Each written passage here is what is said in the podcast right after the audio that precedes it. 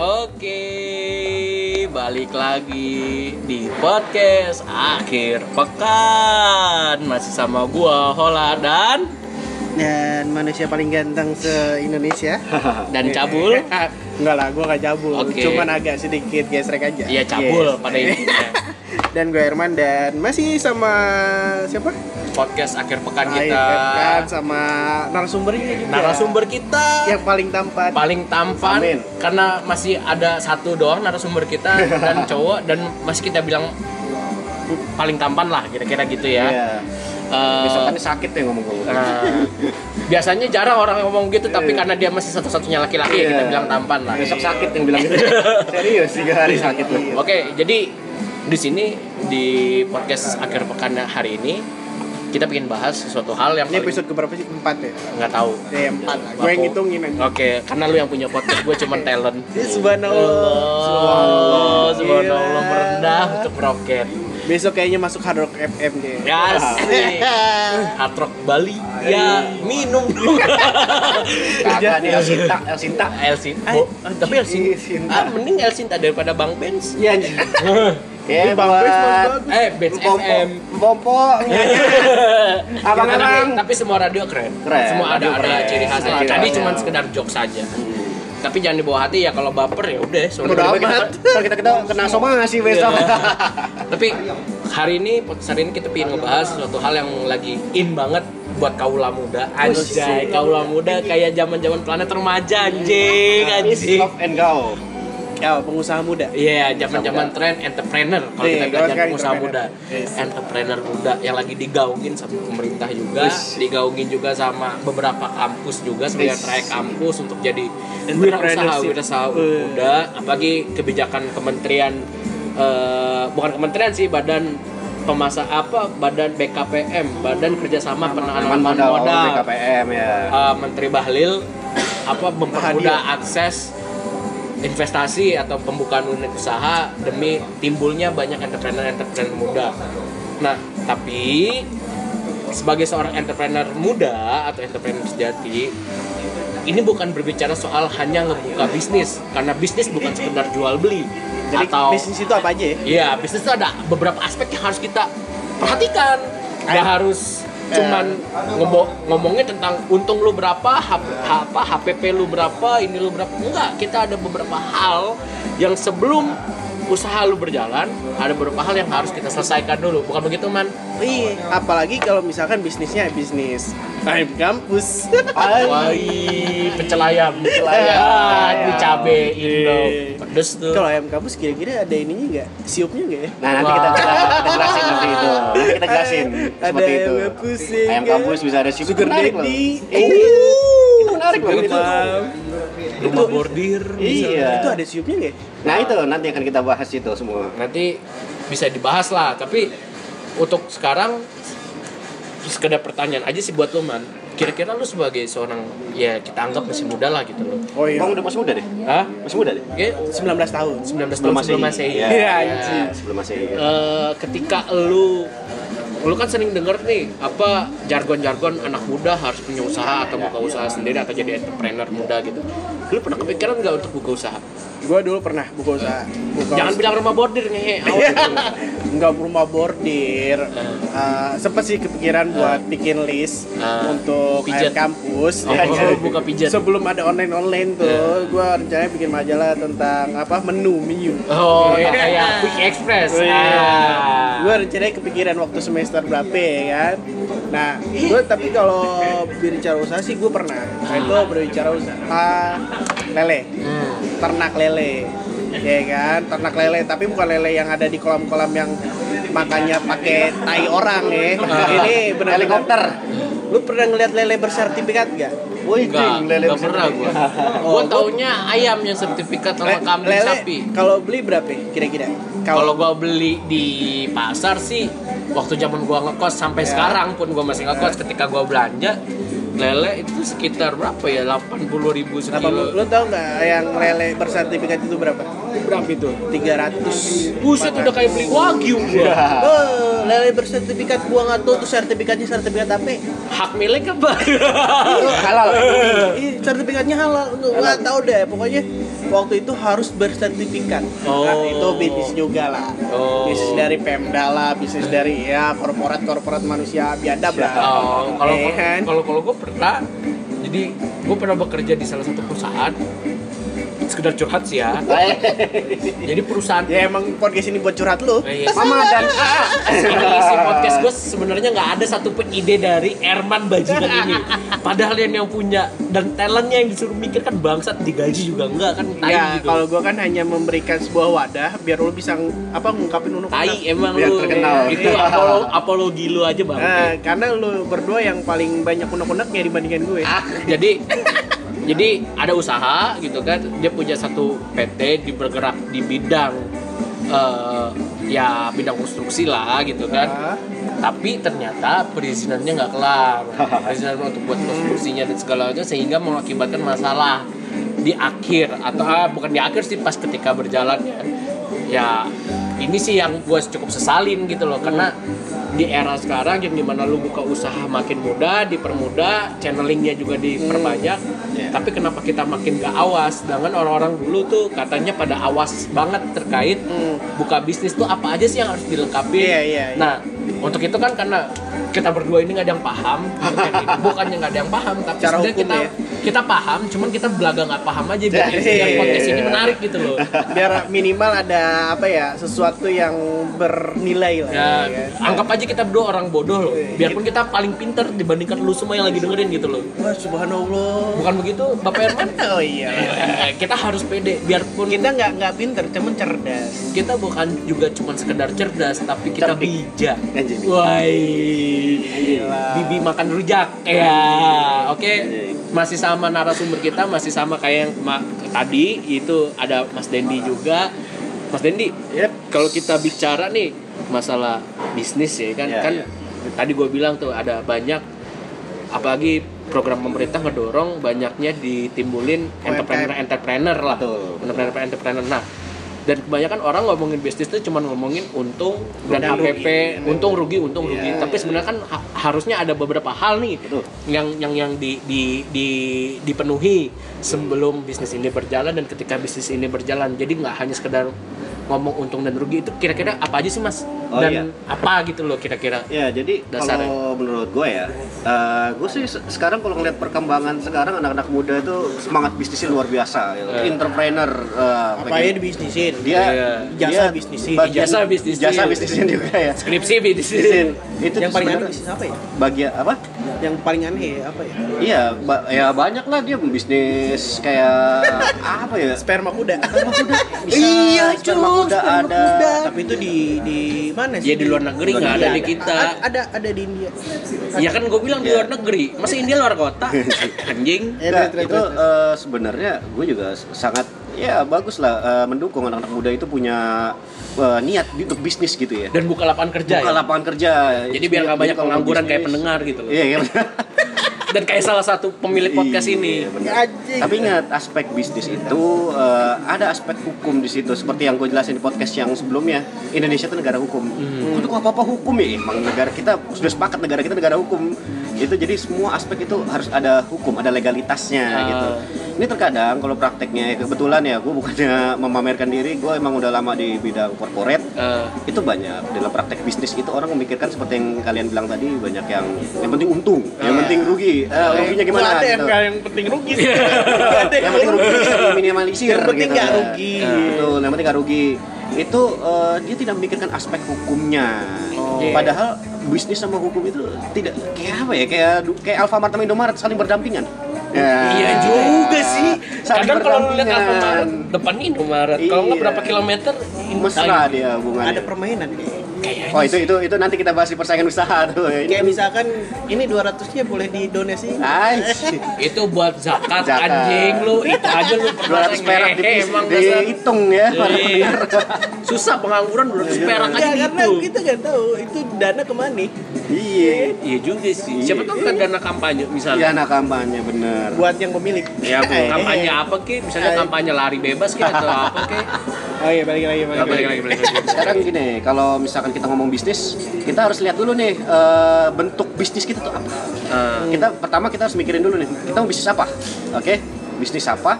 Nah itu di dalam bisnis itu kita kan pasti akan membentuk kayak semacam kalau bahasa awam itu adalah company, ya perusahaan, usaha. Mau mau ben- bentuknya bidang apa? Mau bentuknya seperti apa? Ada dua nih pada bentuk usaha tuh. Ada yang badan usaha, ada yang badan hukum.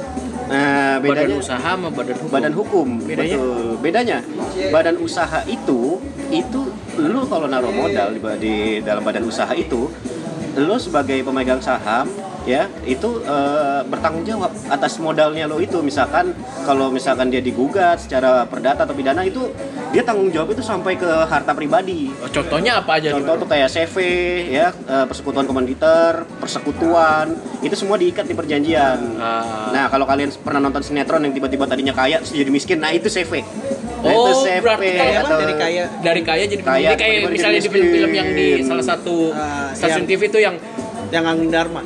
yang tot ahling dharma kerajaan bangsat ya kan enggak yang yang kayak misalnya nih awalnya pakai jas tiba-tiba dia kelibat utang rumahnya tiba-tiba Itu disita CV, aja. kawan-kawan. Oh, itu CV. Itu bisa badan usaha lah, CV atau persekutuan Oh. atau eh, perkumpulan. Oh. Jadi dia menaruh modal, misalkan naruh modal eh, 5 juta Hmm. atau 10 juta gitu kan.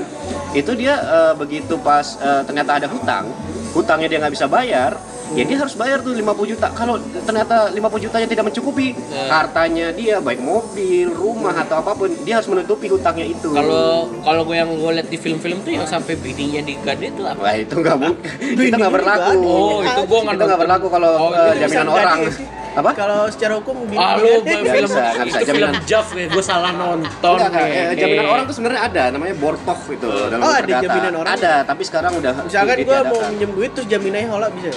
Bisa, Hola akan menjamin untuk menyelesaikan hutang-hutangnya. Oh bukan berarti dengan bukan badannya di penjara, Oh, bukan. Kalau kalau di film-film Jav kan itu kan bininya tiba-tiba Iya. dipakai itu enggak ya? Enggak, enggak, itu enggak ada, Kayaknya itu nanti enggak ada dalam dipakai, hukum kan? itu. Wah, gue kalau kayak gitu Iya. mendingan kerja sama sama perusahaan aja nyong kalau boleh tuh. Tapi enaknya CV ya kalau CV apa badan usaha aku di CV mulai karena memang yang banyak tuh CV badan usaha itu dia tidak ada kewajiban laporan keuangan, nggak ke- perlu diaudit, nggak perlu diaudit oleh Siapa yang, publik. siapa yang audit? Akuntan publik. Akuntan Nah, undang-undang tidak mengatur itu, tidak untuk apa tidak eh, mewajibkan untuk eh, badan usaha. Jadi enak tuh di situ orang rata-rata memilih CV, memilih persekutuan, memilih Ya. apa pun yang badan usaha itu dia eh, tidak perlu tuh untuk ada laporan tahunan, terus kayak gitu laporan pertanggungjawaban itu nggak perlu Oke. kalau badan usaha. Nah, kalau yang badan hukum, bro? Badan hukum ini, badan hukum itu ada dua Ah. bentuknya di sini. Kalau dia yang dilakui di Indonesia perseroan terbatas atau yang kita sebut dengan PT. Nah, Oh, jadi PT itu perseroan terbatas ya. perseroan PT. terbatas. PT bukan Patungan. patungan. Tapi gue nggak suka PT, gue sukanya Ski. yang minum-minum aja. Ya, itu puncture. PT. Anjing. Jadi kalau ada PT, ada yayasan. Bedanya apa? PT itu dia lebih ke profit, lebih untuk mencari keuntungan. Yayasan hanya sosial. Lah, tapi dia kayak misalnya kan kalau sekolah-sekolah tuh ada namanya yayasan, tapi kan sekolah kan narik SPP. Ya, Itu gimana tuh? Ya, kan narik duit namanya bukan sosial tuh. ya, tapi kan kegiatannya sosial. Dengan menaruh duit.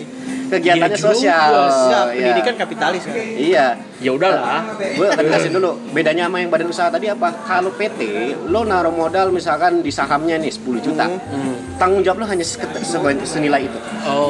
tanggung jawab lo misalkan lo ada utang ya udah gue cuma punya modal di situ adalah 10 10 juta yang di convert adalah misalkan 10% atau 80% dari modal PT ya udah Hmm. utang itu lo hanya menya- hanya me- eh, bertanggung jawab sekitar segitu 10% nggak sampai harta pribadi yang kayak sinetron tadi guys Oh, jadi cuma Beda itu keamanannya ya, jadi hartanya terpisah Jadi kalau gua naruh 10 juta, ya udah, Ya utang udah. utang PT 10 gua juta. 10 miliar gitu kan. Iya. Ya cuma 10 juta itu mesti diambil 10 gitu. juta itu aja tanggung Nggak sampai harta pribadi gue? enggak Nah terus gimana tuh untuk para debiturnya? Ah. Ya lihat aset PT-nya tuh punya apa aja. Kan PT itu pasti punya aset dong. Ah. Nah bisa nggak menutupi? Kalau tidak menutupi, ya kita harus mencari per- penca- apa jalan keluar yang lain gitu. Oh. Pokoknya kita lihat dulu. Dia hanya bisa ber- bertanggung jawab. Pemilik modalnya itu hanya sebatas saham yang dia setor. Oh, itu bedanya dengan badan usaha. Antonio kalau kalau uh, kayak persyaratan ngebentuk CV atau PT itu apa aja Oke. sih sebenarnya? CVPT itu sebenarnya base banget untuk kontrak perjanjian. Kontrak, perjanjian. Nah, hanya perjanjian itu Termasuk kawin kontrak juga. Wah, anjir, kalau kontrak itu beda lagi. Kapan kontrak ada CV-nya ngehe. Beda, beda. Bisa dijadiin PT. Beda. Beda.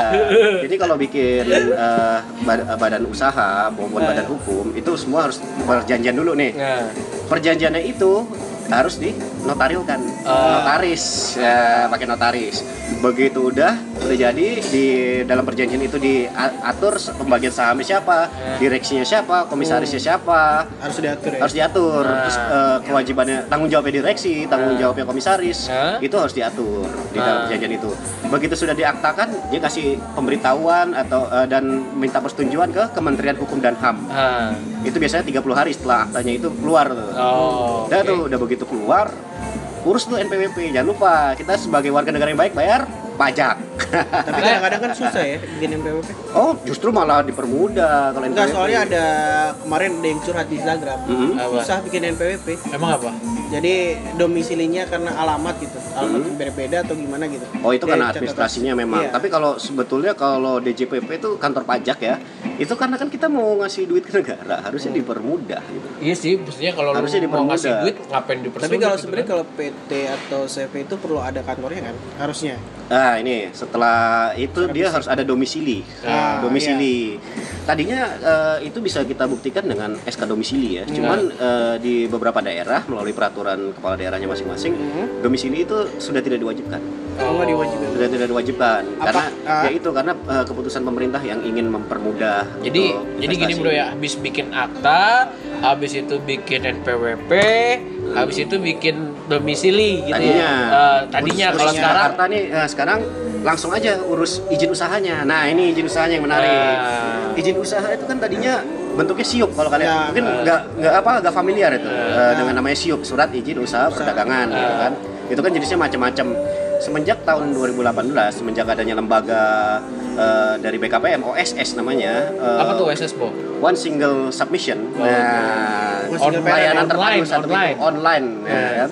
Itu kita cukup mengurus namanya nomor induk berusaha Ah. NIB kalau disingkat Apa? NIB NIB. NIB Nomor berusaha. induk Berusaha, berusaha. ya. Nomor Induk induk pegawai. Ya. NIS ya. Terus terus. nah dari di NIB itu nanti eh, keluar Nomor nomor ibu-ibu nomor bergairah. ibu-ibu bergairah nomor itu di dalam NIB itu selain nomor nanti ada juga di situlah ditulis kantornya di mana. Domisilinya di apa domis eh, nama PT-nya apa Ah. terus jenis usahanya apa nah ini ini yang harus eh, kita perhatikan di NIB sama akta di akta tuh harus ditulis jenis usahanya itu apa nah itu dia ngeling sekarang Oh, Jadi- itu gimana ceritanya? secara online. Jadi Oh. once kita daftarkan di Kumham, itu Ah. dia online secara otomatis ke Dirjen Pajak. Dia eh, ngeling lagi ke mana tuh eh, OSS. Oh. Eh, jadi kalau kita jenis usahanya di akte itu nggak match, Ah. kita bikinnya misalkan tiga di NIB cuma dua, itu nggak bisa juga. Itu kalau nggak salah pernah dipermasalahin masalah yang Indomaret ya. Mhm. Yang kalau restoran sama apa gitu yang dia take away sama yang enggak kan ada tuh izin Mhm. perusahaannya kalau nggak salah Iya. apa gue lupa. Iya, iya. Itu seperti permasalahan juga kan. Ya, ya, Terus itu itu sevel.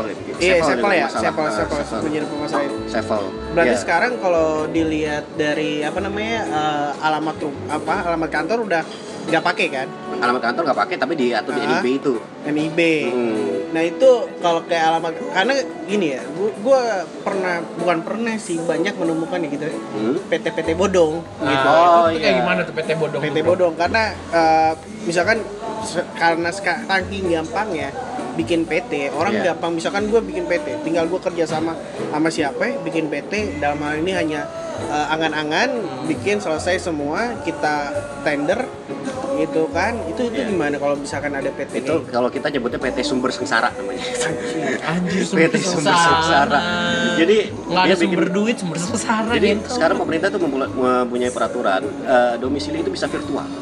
Oh, virtual office. virtual office Oh, ya. berarti Eh, kayak jadi- di Rawamangun ya iya Virtual jadi atau di beberapa tempat jadi lah ya sebenarnya Iya. cuman ada satu space satu tempat gitu itu lo jadiin domisili bisa. Oh bisa itu. Bisa. Maksudnya pemerintah tuh sebenarnya ya gue coba berhusnuzon eh berhusnuzon lah dengan pemerintah bahwa mereka tuh ingin mempermudah izin berusaha. Cuman ya itu jadinya di dampaknya satu sisi ya? dampaknya seperti yang lo ceritain tadi ada yang PT bodong PT sumber sengsara lah kita sebut itu. Yang yang akibatnya nanti ada bisa timbul penipuan pengelapan pencucian uang. Itu sebetulnya Nah. kalau gue sih eh, pribadi menyarankan kalau kalian ingin buka real lah kantornya ada gitu loh. Oh. bener-bener dilengkapi itu surat izin-izinnya. Tapi gini bro kalau tadi lu bilang kantornya harus ada kan kadangkala ada nih tempat-tempat tuh bahwa kawasan ini bukan kawasan perkantoran. Ya nah ya, itu maksudnya gimana sih? Ya jadi tapi ada kantor di situ gue bingung itu gitu. Betul jadi di dalam beberapa di daerah-daerah itu di Indonesia itu kan dia punya rencana tata ruang daerah. Ah. di masing-masingnya itu ada zona-zonanya tuh zona Ah. perumahan zona bisnis Hmm. gue gue akan kasih tahu beberapa lokasi yang ada di Jakarta Selatan yang Ah. sebetulnya itu bukan zona bisnis tapi ka- tapi kalian tuh ka- ya suka eh, kongko lah di situ Ah. bingung kan kok bisa ada gitu Ah. contoh Kemang Tebet Senopati Oh, ya, anak itu Jakarta bukan Selatan bukan bukan zona bisnis Itu adalah perumahan. Kenapa gue Oh. bisa ngomong gitu? Gue mengecek sendiri ke wali kota Jakarta Selatan untuk waktu itu membuka salah satu perusahaan, eh, salah satu eh, usahanya restorannya dari perusahaan gue itu kan gue mengurus izin usahanya. Once begitu gue datang ke wali kota Jakarta Selatan, ternyata mereka tidak bisa mengeluarkan izinnya. lah maksudnya berarti kan nggak boleh berdagang tuh di sono kan Betul. Jadi tapi kok masih banyak tuh Betul. Nah, makanya begitu secara praktikalnya ini kan di luar hukum jadinya kan. Iya. Ternyata mereka hanya bayar dengan eh, preman lah ibaratnya Oh. setempat gitu. Tapi konsekuensinya apa? Kalau sewaktu-waktu digusur ya siap-siap aja. oh berarti bisa kapan pun digusur atas nama Iya, pemerintah gitu ya betul. Nah, itu yang tadi kembali ke awal gue bilang. nggak dapat ganti rugi dong mereka Nggak dapat. Oh. Makanya gue bilang berarti, eh, berarti yang kayak usaha-usaha yang Kemang itu kalau digusur nggak dapat nggak dapat, Oh. nggak dapat. Makanya yang tadi gue bilang, ya, dalam berbisnis tuh kita jangan ngomongin untung rugi dulu. Aspek hukumnya, aspek legalitasnya itu penting oh itu sebenarnya. perjuangan banget untuk mempertahankan itu berarti Betul. tapi gue sempat tertarik dengan pembahasan lu man yang katanya kan yang kasus Sevel tuh Hmm. Sevel kan kayak kalau kita bilang sama kayak tos serba lah ya Iya.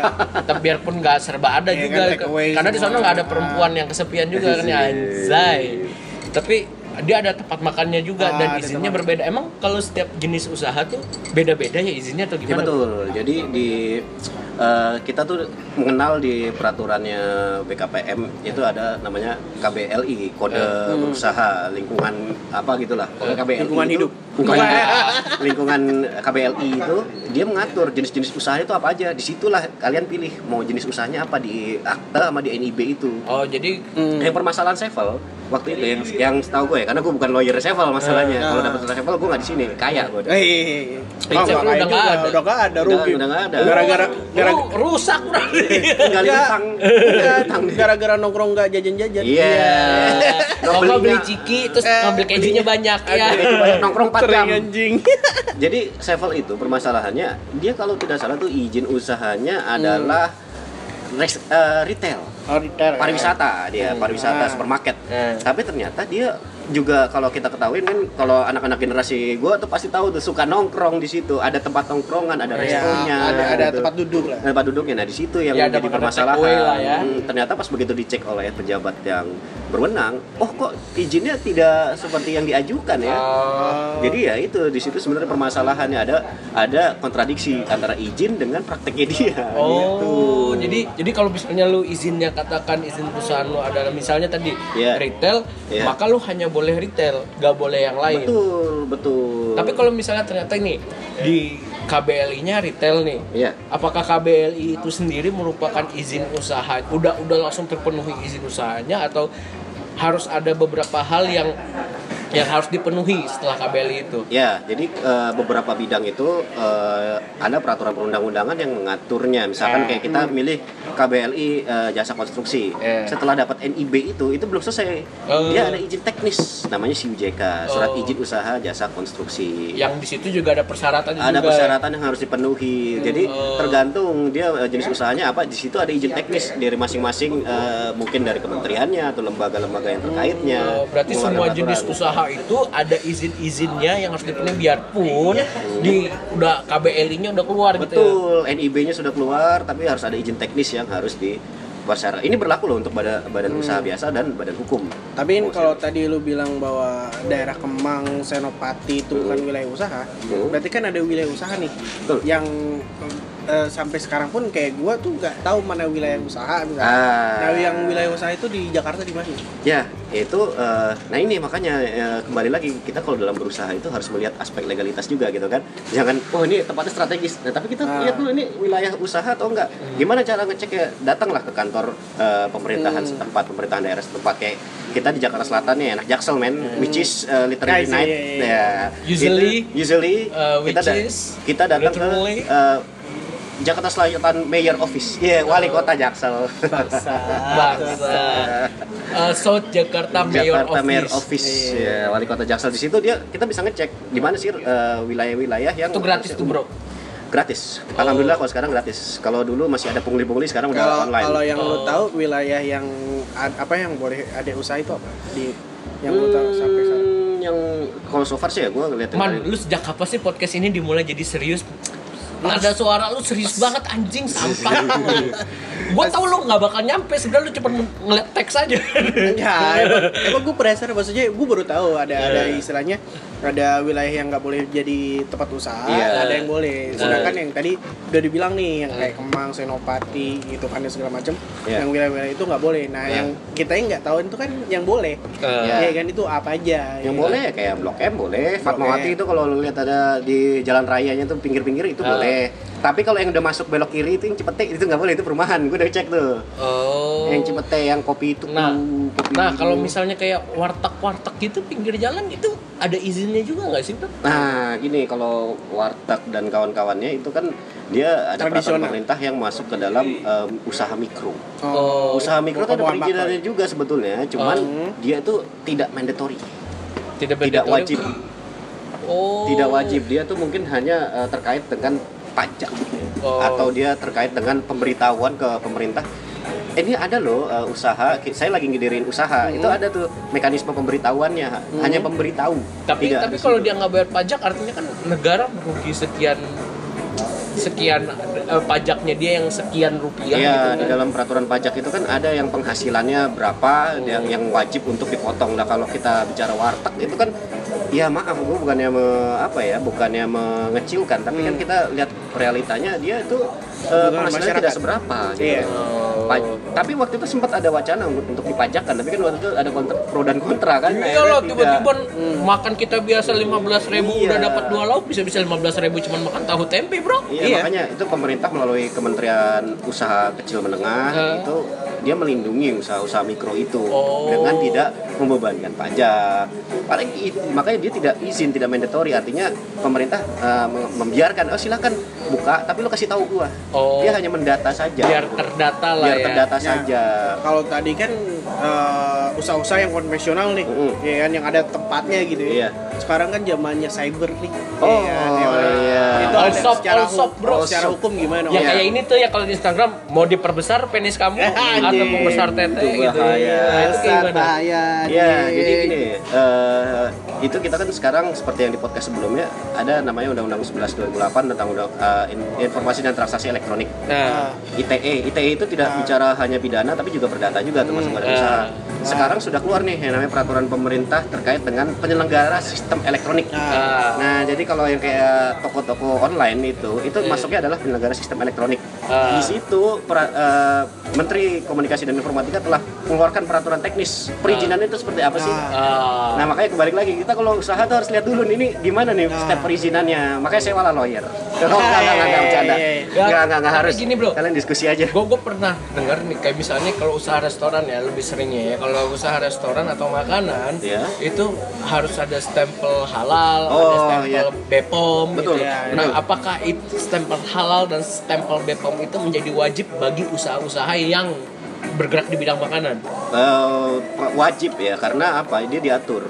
Eh, undang-undang tentang jaminan produk jaminan halal mengatur itu Eh, Bepom undang peraturan dari Kementerian Kesehatan mengatur itu makanya itu tergant itu masuk ke dalam izin teknis tapi yang kan misalnya gini kalau gua gua mengikuti netizen yang hari ini lagi booming ya yang Iya. katanya Indonesia kan nggak cuma membuat satu agama karena Iya. halal itu identik dengan satu agama ini kan Oh, iya, Indonesia iya, iya. plural bro oh iya nggak harus pakai halal dong Sebenarnya gitu. kata halal itu kan sebenarnya bukan buat orang muslim doang kan? iya mana gua tahu Enggak, soalnya kayak Mana- karena kan halal kan bahasa Arab katanya Iya. terminnya termin Arab ya berarti kan udah kayak Arab itu kan bukan berarti Islam. Iya kan? masa sih Iyalah. Eh enggak, maksudnya kayak misalkan lu di Bali nih, Hmm. ya kan? Makanan yang dianggap halal tuh kayak gimana? Eh. Bagi orang Hindu. Eh, Dia kan nggak bisa makan sapi. Iya. lah Iya. tulisannya tulisannya Arab ya apalagi Iya. sih itu kan Arab itu akhirnya di di apa ya di bukan sawat putih nih ya menjadi identitas. ya namanya bukan bukan Krishna lagi namanya Eh. Abdullah gitu Tapi ini gue sebelum panjang ke situ ya, maksud gue kayak persyaratan yang online itu, Hmm. ya kan, itu ada persyaratannya. Itu Iya. berarti gue nggak tahu nih, gue yang nggak tahu atau memang belum disosialisasikan. Enggak emang lu nggak tahu udah man intinya itu Iya, iya. kan lu udah disosialisasikan lu pasti nggak dengerin Udah Iya. disosialisasikan. Nggak tahu gua juga. Jadi gini, kalau untuk pembentukan suatu peraturan itu ada kewajiban kita harus sosialisasi. Hmm. Ya masalahnya eh, di hukum kita tuh menganut kita sekalinya diberlakukan hukum dianggap semua tahu. Hmm. Jadi sosialisasinya yang yang sekarang gue kritik lembaga-lembaga itu baik itu DPR maupun kementerian Hmm. yang membuat eh, suatu peraturan, dia sosialisasinya formalitas men. oh kayak Masalah kayak empat pilar ya. Iya dia hanya manggil beberapa orang dianggap udah biasa dapat sosialisasi. tas ya tas Iya. sama amplop 45 ribu 100 ribu ya Kalau dikatakan sosialisasi, udah sosialisasi dia pasti akan bilang udah ini ada Akhirnya acaranya. itu jadi proyek. ada absennya itu formalitas Oh, tapi tapi gini bro, yang Pago balik lagi ya, Hmm. yang tadi kayak misalnya stempel halal gitu Iya, kan. iya, iya.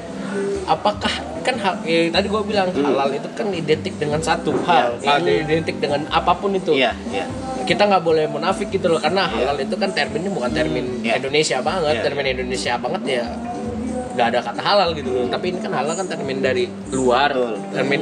Jadi kan kalau orang bikin restoran tanpa stempel halal kan nggak masalah dong Iya. mestinya, bukan jadi suatu kewajiban dong. iya betul Eh, jadi gini eh, undang-undang jaminan halal itu kan dibuat oleh legislatif DPR gitu kan. Ya. dalam pembuatan undang-undang itu kan sebenarnya kalau kita belajar wah ini kembali ke dasar lagi ya PIH nih ya. Pembuatan undang-undang itu ada tiga aspek yang dilihat aspek uh, filosof filosofisnya tujuannya buat undang-undang ini apa eh, ininya apa goalnya itu apa gitu kan. Dan aspek yuridis yuridisnya itu apa? Dia meng- mengaitkan dengan undang-undang yang terkait. Dalam hal ini kalau undang-undang berarti mengaitkan ke undang-undang eh, dasar 45 gitu kan.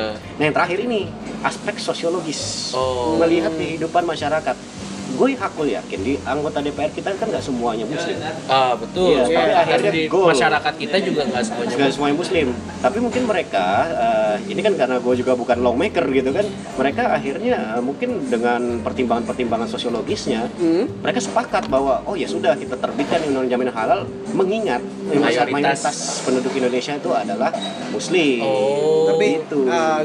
Gue gua ini agak sedikit kritik masalah halal ya. Iya, Eh, Sebenarnya kalau makanan oke lah. Iya. Secara secara ini ya, Iya, maksud gue. Iya kulkas halal. Ya itu kulkas, eh, jilbab halal. iya iya Terus maksud gua eh sampai ke ranah kulkas, kacamata yang Iya.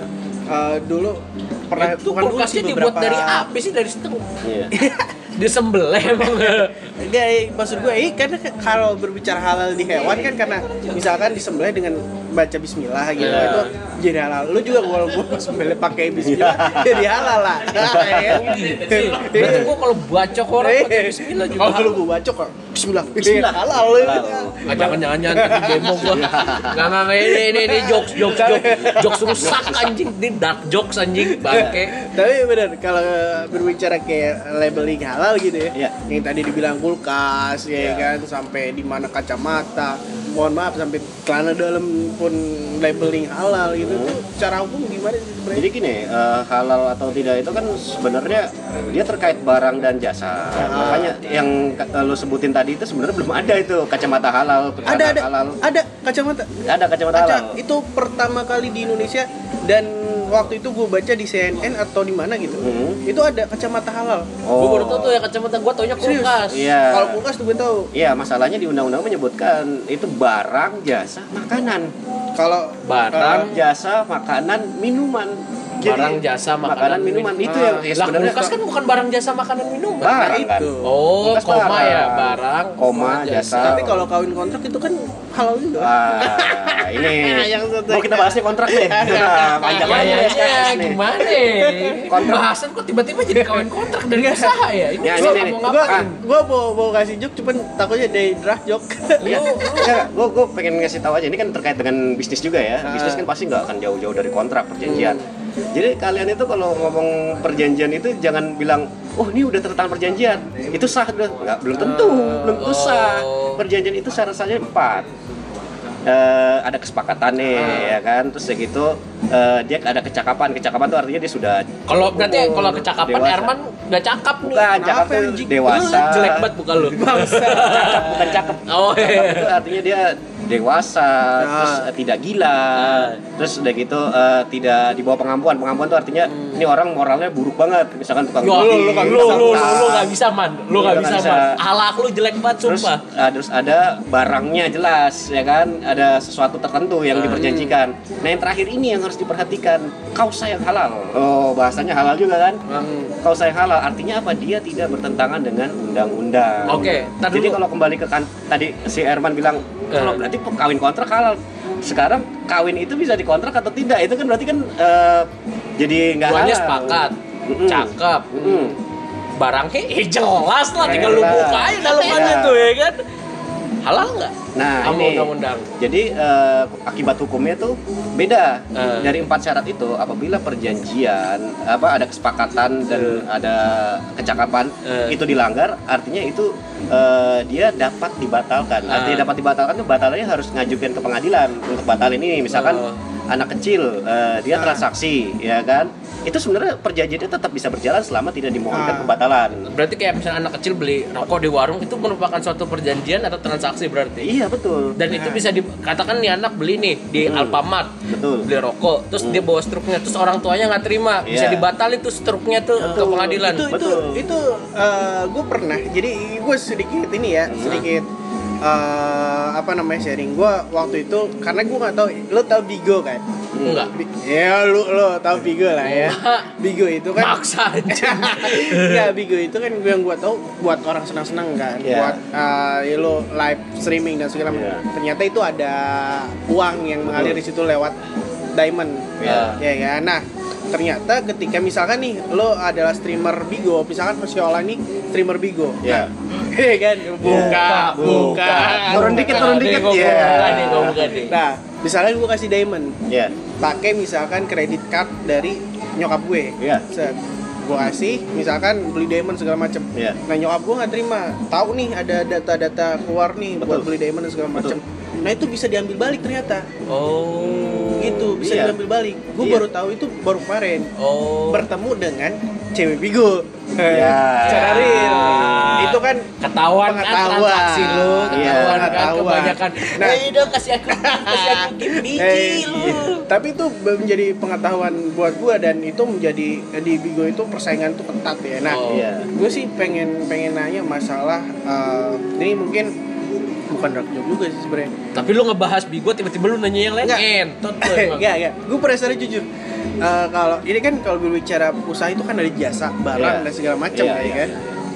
gue nggak tahu eh, bisa dikoreksi nih. Dulu itu mungkin ada pelacuran yang memang ilegal, eh apa legal ya, Iya, ada pelacuran iya. legal dan Iya, segala iya. macam itu gimana secara izin usaha? Iya, jadi gini. Ada nggak di Indonesia eh, sekarang? Penggerbekan yang selama ini dilakukan, misalkan kan kita sering di berita itu kan lihat oh ada prostitusi ditutup, Ya. ini ditutup gitu. Itu sebenarnya bukan dari segi perbuatan prostitusinya, Tapi tapi dari- dari jenis usahanya. Dia Oh. misalkan usahanya pariwisata tiba-tiba jualan orang, itu kan nggak boleh itu. Oh berarti Nah, kalau- berarti gini ya.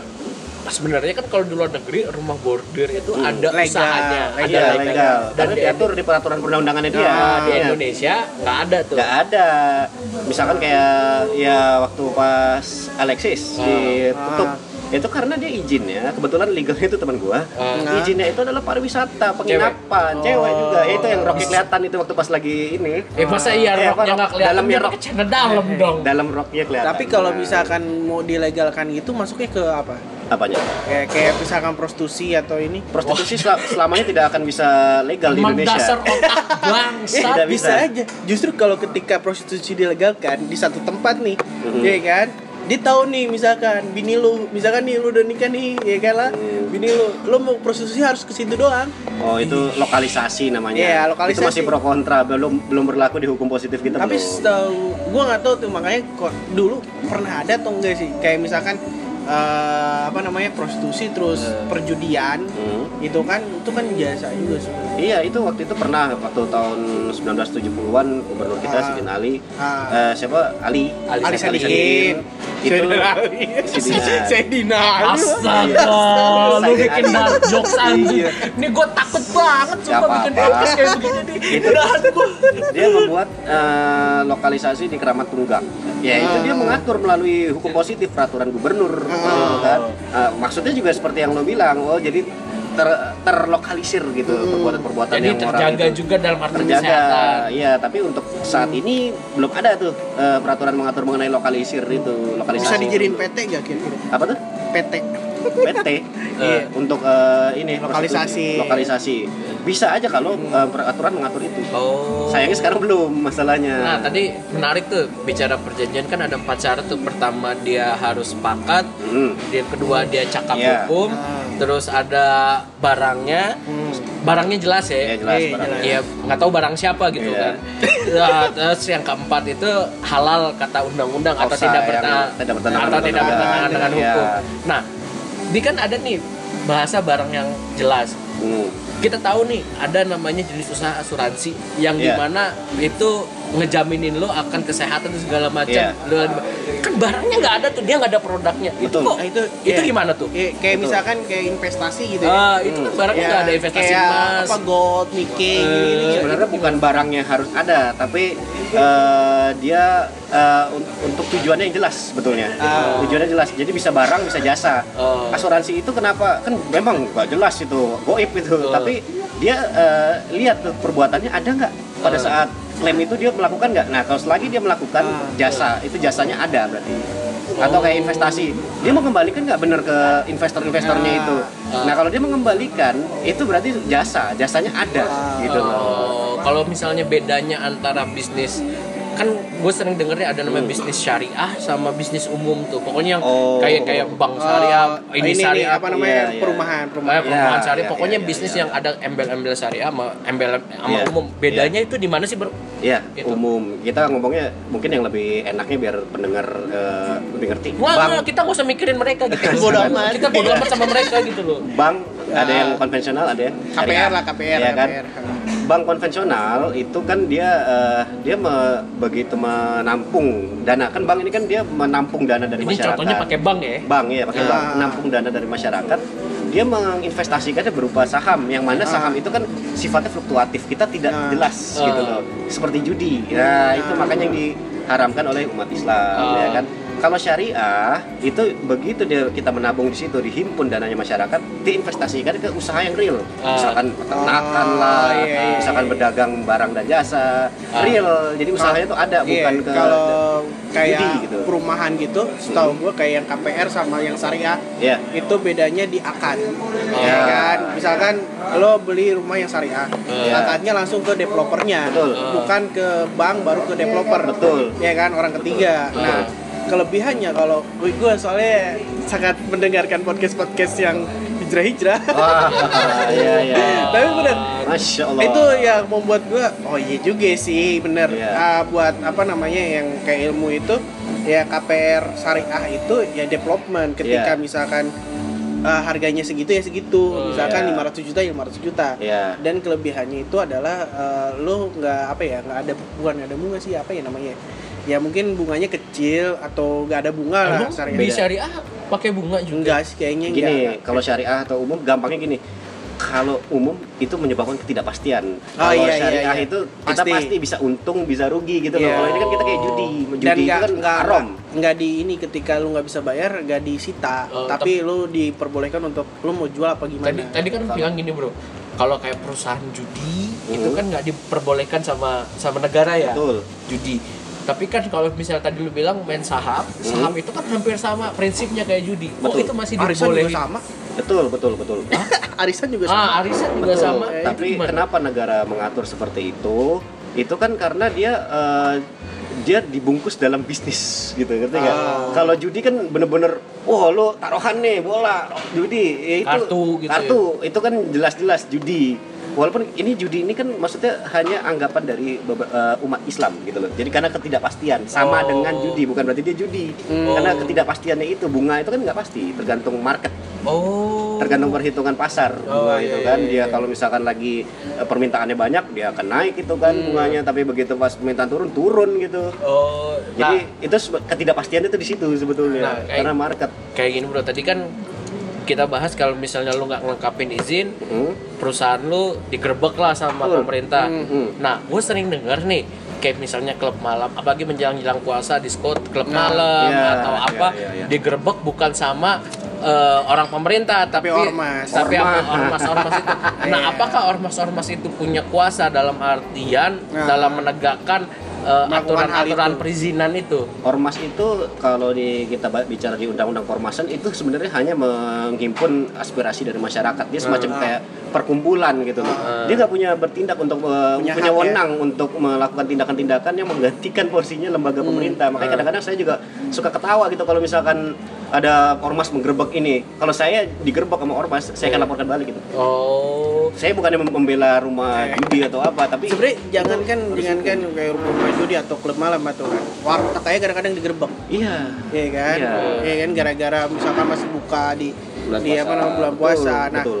Gue tadi sempat yang membahas tentang PT kan yang bodong dan segala macam. Oh, iya. Ini kan banyak kejadian nih. Iya. Iya kan kayak misalkan WO yang abal-abal. oh iya iya Terus apa itu namanya? yang kayak kasus-kasus yang yang Iya. umroh dan Iya. segala macam. dan apalagi kayak ini ke- yang paling seru yang gue baca dan sampai gue nggak habis pikir karena pikiran gue juga udah nggak ada iya iya iya, iya. iya sih. Apa- Kelihatan dari muka. ngentut apa namanya eh, Putri Arab, Putri Raja Arab ketipu Ketipu sama developer Indonesia. Indonesia, yang mikir Iya. itu gimana ceritanya? Nanti Bang? hebat kan developer Indonesia. Nah, maksud, maksud gue gimana caranya untuk ngebedain mana PT yang bodong, Eh, ya kan, iya. dengan bukan ya yang buat abal-abal dan memang secara ini bagus gitu, emang terpercaya gitu. Betul, ya sebenarnya agak effort juga ya. Hmm. Tapi ya itulah, kita bisnis itu pasti ada konsekuensinya. Hmm. Kalau kita ingin berbisnis ke eh, suatu badan usaha, baik itu badan hukum ataupun badan usaha biasa, Hmm. kita cek ke lembaga yang berwenang. Misalkan kalau PT, misalkan contoh, Hmm. kita cek itu bener gak dia terdaftar di Kumham? Itu bisa tuh dicek. Kita Oh, datang ke Kementerian online. Hukum HAM.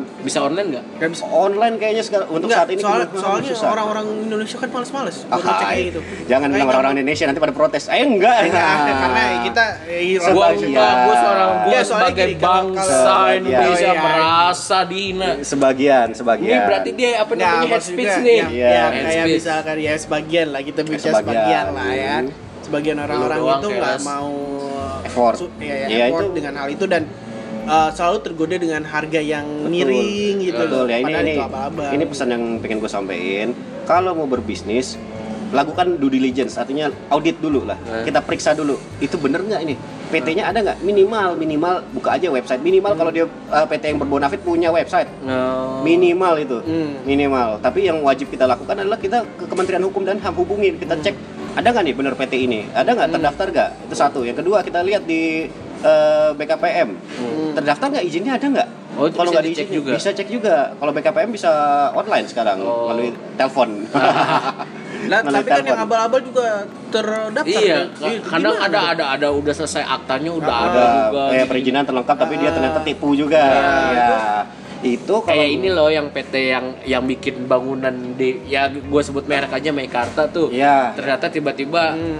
dia bangun bangun ternyata belum ada izinnya tuh. Itu Betul. gimana tuh? Betul. Nah, itu yang gue kritik juga ya. Ah. Masalahnya pemerintah itu sekarang sifatnya reaktif. Begitu ada laporan dia baru bertindak. Eh. Seharusnya kalau di negara-negara maju seperti negara Amerika gitu ya. Serikat atau apa, dia ada kewajiban laporan progres tuh. Oh. Sekarang ini kan yang, yang baru ada progres laporan itu melalui eh, laporan kekayaan penanaman modal itu LKPM itu baru BKPM untuk asing. Oh. Untuk perusahaan asing. Tapi kalau untuk perusahaan lokal itu tidak diwajibkan sebetulnya. Oh. Dia hanya memberitahukan sifatnya. Jadi malah ngebuka peluang PT bodong di negara Betul. kita dong. Nah, tapi dia katanya, ya kami kan ada mekanisme pengaduan, kami akan bertindak betul. Tapi kan kita nggak tahu kalau namanya Iya kan? bencana kan Ya, kita pemeri- pemerintah Indonesia kan ya gimana entar bukan entar betul gimana ntar sama Iya kayak ada bom baru diperiksain tuh Iya. semua ya kan. Iya, Itu sama- yang agak sama agak lebih gampang kritik. nangkap teroris dibandingkan na- nangkap koruptor. Waduh, ngeri banget. Oh, ya Kak. Ampun. Minimal ada pesan-pesan moral. Ya. bukan pesan moral untuk kritik eh. Nah, yang terakhir ini yang ini benar-benar yang urgent harus gue sampaikan itu kan tadi syaratnya udah satu, dua, tiga udah tuh. Yang keempat ini kausa yang halal Ah. harus sesuai dengan peraturan perundang-undangan. Nah. Kita lihat dulu nih bisnis nih, misalkan Halal kita- itu yang sesuai dengan perundang-undangan ya. bukan halal Bukan dalam halal terminologi ya. Islam ya. Iya. Halal itu sesuai dengan peraturan perundang-undangan itu Nah. diatur itu BW yang mengatur itu adalah eh, bahasanya subakti. Ah. Subakti yang me, me- Yang siapa tuh? Ahli hukum perdata Indonesia. Yang Tahun ngatur itu 2000. BW. Iya, Budi itu Waseso, kitab undang-undang Ya. hukum perdata. BW itu Burgerlijk Wetboek. Nah, Belanda tuh kan. Buku basah lagi. Betul, Iya, bahasa. iya, iya. Jadi kita harus cek dulu perjanjian ini misalkan kita transaksinya apa. Kalau transaksi jual beli eh, narkoba, ya itu nggak sah. Walaupun lu udah tanda tangan, udah apa, oh kan udah tanda tangan, tapi lu jual beli kontrak itu namanya cacat hukum. Hmm. Itu perjanjiannya nggak laku, batal demi hukum. Kalau batal demi hukum berarti pas semenjak dibuat ya perjanjian itu, atau Itu. ditandatanganin itu berarti itu udah batal. Batal. Tapi orang tetap bayar aja. Nah itu karena ketidaktahuannya itu makanya perlulah sosialisasi hukum nih kadang-kadang ke masyarakat karena ma- masyarakat Nah. ini yang bersentuhan dengan hukum itu sebetulnya. itu menjadi PR sebenarnya buat anda-anda yang ngerti Betul, hukum, buat ya. apalagi Anda. Iya, Kalau iya. saya, saya kan kan cuman talent lawyer, doang di sini. lawyer. Saya kan kan, lawyer ini hanya menegakkan hukum berdasarkan Karena permintaan Ada klien. yang tegak Gini, tapi bukan iya. hukum. Ada yang menonjol tapi bukan Bukan bakat. bakat. Nah, apakah itu? Nah, kalau eh gue sepakat bahwa harus ada pendidikan dasar pada masyarakat karena Iya. mereka itu kayak misalkan tanah sengketa dan segala macam Betul. mereka masih pusing dengan hal-hal itu gitu dan tidak ada sosialisasi Betul. gitu loh. Ya itu kalau gimana? eh, tipsnya dari gua sebaiknya kalau kalian udah mulai bisnis nih, oh udah udah ada semangat entrepreneurship gitu kan. Hmm. Kalian diskusilah dengan ya ya kalau lawyer mungkin kalau nggak punya duit gitu kan takut bayarnya ntar dicas ke teman-teman fakultas hukum lah. Atau bisa Minimal. hubungin di podcast ini nggak apa-apa. Iya. Di sini ada dua lawyer kok. Iya. Nah, Gue jadi perantara tapi ya uang rokok Gua- ada lah. Kalau gue cuman sebagai pendengar yang baik, ya pendengar yang baik ya tentu dapat uang mendengar. Kira-kira Iya. ada namanya PNBP, pendapatan non biaya pajak. Nah, Iya. itulah ke gue. itu kalian harus diskusi dulu eh, dengan teman-teman yang kalian lah pasti punya lah tetangga lah teman gitu yang memang dia sarjana hukum kalau dia nggak tahu berarti nggak belajar. Iya. Tapi kalau misal eh bukan tapi sih sebenarnya kayak misalkan kayak kopi kopi shop gitu kan coffee shop. coffee shop Oh, ya kan? ini orang Sunda nih bener. eh kok Nggak tahu sih? app. Eh coffee shop. Itu coffee shop itu harus ada izin juga kan seharusnya. Harus. Harus. Tapi kan banyak juga yang memang ya udah yang penting buka yang penting usaha Iya. gitu kan. Iya. itu gimana itu? Eh, pemerintah nggak bertindak atau gimana? Ya pemerintah tidak akan bertindak. Tapi kan lo sewaktu-waktu dia lagi sedang melakukan audit itu pasti akan dikenakan. Makanya itu kita harus makanya tadi seperti saya bilang kalau mau mulai usaha aspek legalnya nggak boleh disingkirkan. Kadang-kadang ah hukum ribet hukum ribet. Lebih ribet lagi kalau kalian nanti digerebek. Iya nah kalau kalau misalkan lagi. kayak mahasiswa-mahasiswa gitu yang pengen belajar usaha itu gimana pengen belajar usaha kecil-kecilan ya mikro aja mikro. Mikro Berarti kalau mikro aja. mikro itu nggak nggak nggak harus ini. nggak harus ribet seribet ini cukup melakukan pemberitahuan kalau kalian ingin comply Oh, tapi bro gini bro, kayak Nah. misalnya gue ngeliat nih, Mm. orang buka usaha terus kan mereka suka bikin plang. Nah tiba-tiba plangnya tuh di di di di Segel. disegel. Kok maksud gua nggak gua habis pikir kok plang disegel emang plang kenapa masalahnya itu itu gimana? apa nih, Mas? Plang-plang usaha kayak misalnya ada tulisan Ah, PT ah, PT ah, ah. maju mundur, Oh. iya kan? Tapi objek ini belum apa gitu itu Oh, ya. itu Ah, apa ah. tuh? itu yang segel ada dua bisa dari eh, ini apa direktorat pajak kantor Ah. pajak atau dari pemprov atau pemda gitu Emang kan kenapa itu? itu iya karena izinnya satu bisa jadi karena izinnya dia belum dipenuhi Hmm. atau pajaknya tidak bayar atau tidak melaporkan atau tidak tidak punya NPWP Oh. makanya pajak Sama sama seperti salah satu klub di Senayan City namanya Domain kalian pasti tahu Enggak. itu begitu Udah ada belum? Eh udah udah nggak Enggak, ada kan? pendengar, gue pendengar Oh, pasti iya. pada tahu. Oh iya iya oke oke gue merasa gue merasa insecure aja ketika lu Anak-anak- bilang kalian pasti tahu gitu seakan-akan Iya. gue tahu gitu gue Padahal gua Tahu dulu zaman soleh gue. gue gue tahu masjid Iya, gue tau ya gereja. itu kalau kalian ke situ sekarang itu pasti ada tulisan tempat ini belum disegel karena belum membayar pajak. Nah, itu ya kalau kayak gitu tuh itu masih boleh beroperasi apa kan?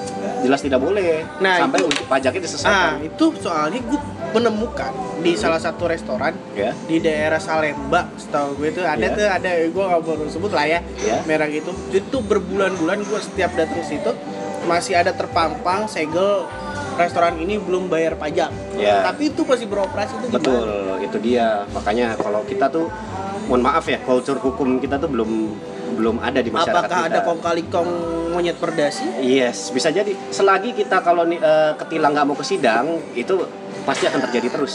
Budaya hukum kita Ah. belum ada, ini bro gue pernah ke salah satu restoran di daerah SCBD ya.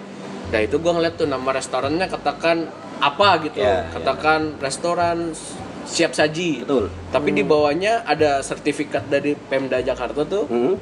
Tulisannya PT ini, PT, misalnya PT apa Ah. gitu. Hmm. Lah kan ini restoran kok ada PT apanya di bawahnya itu? Itu maksudnya gimana? tuh? Oh, itu artinya PT-nya itu bergerak di bidang jasa eh, makanan dan minuman. Hmm. Be- Brandnya itu adalah eh, restoran nama restoran itu. Oh. Sama kayak McDonald, KFC itu dia kan Hmm. punya PT masing-masing. PT Ah. apa Indonesia, McDonald juga PT apa Indonesia, tapi brand bisnisnya itu namanya itu. McD.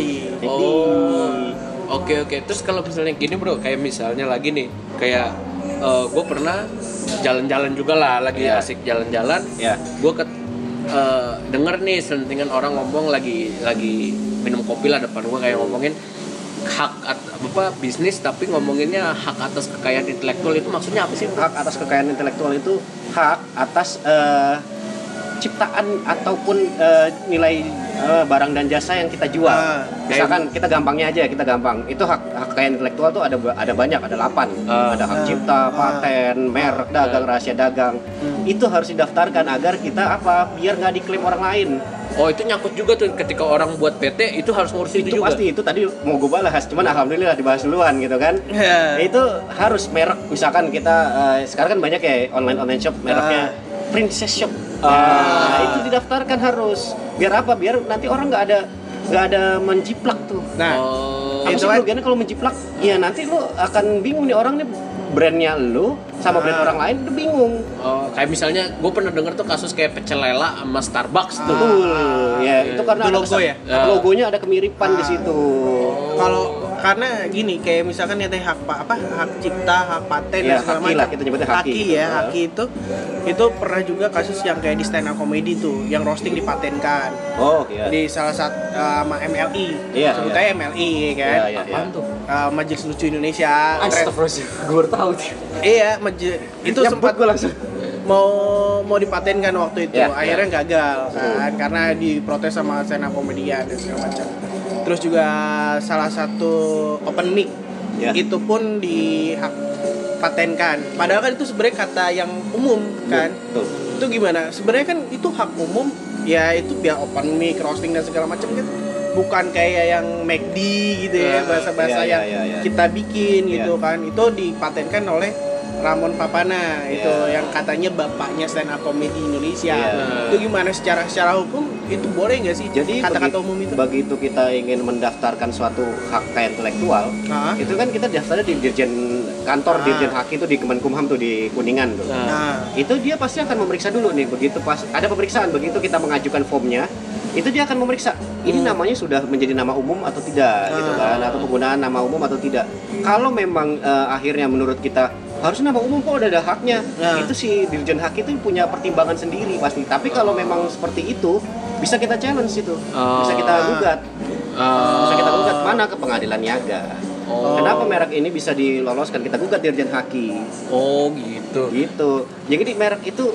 wajib juga itu dan Oh. ingat satu lagi kalau orang-orang yang berdagang makanan sama minuman itu kan kita punya resep rahasia sendiri nih Ah. daftarkanlah tuh itu termasuk haki kayak, rahasia kayak dagang kalau misalkan misalkan nih uh, kayak McD Ya, atau KFC, KFC, terus ah. ada salah satu misalkan online ini kerja di McD Betul. terus keluar Iya. terus dia membuat usaha yang rasanya Mirip. mirip, Ah. gitu kan terus gue yang punya nih ngerasain punya kok mirip itu gimana itu secara hukum itu kejadian di Kalibata City ini ada orang kerja di Hokaka Bento Ah. dia bikin namanya Ota Bento rasanya sama persis Ah, Nah, persis itu banget secara itu. hukum gimana itu bisa digugat itu kalau sampai si Hokaka Bentonya tahu itu dia bisa menggugat Oh. Ah. pada biasanya pada umumnya kalau misalkan kita bekerja di satu uh, per- uh, perusahaan yang sudah punya rahasia dagang ataupun punya merek Hmm. itu kita dikasih uh, satu perjanjian lagi selain perjanjian Hmm. kerja namanya adalah NDA non disclosure agreement apa perjanjian eh, kerja NBA NDA MDA merit by accident anjing. not disclosure agreement jadi Nah. kita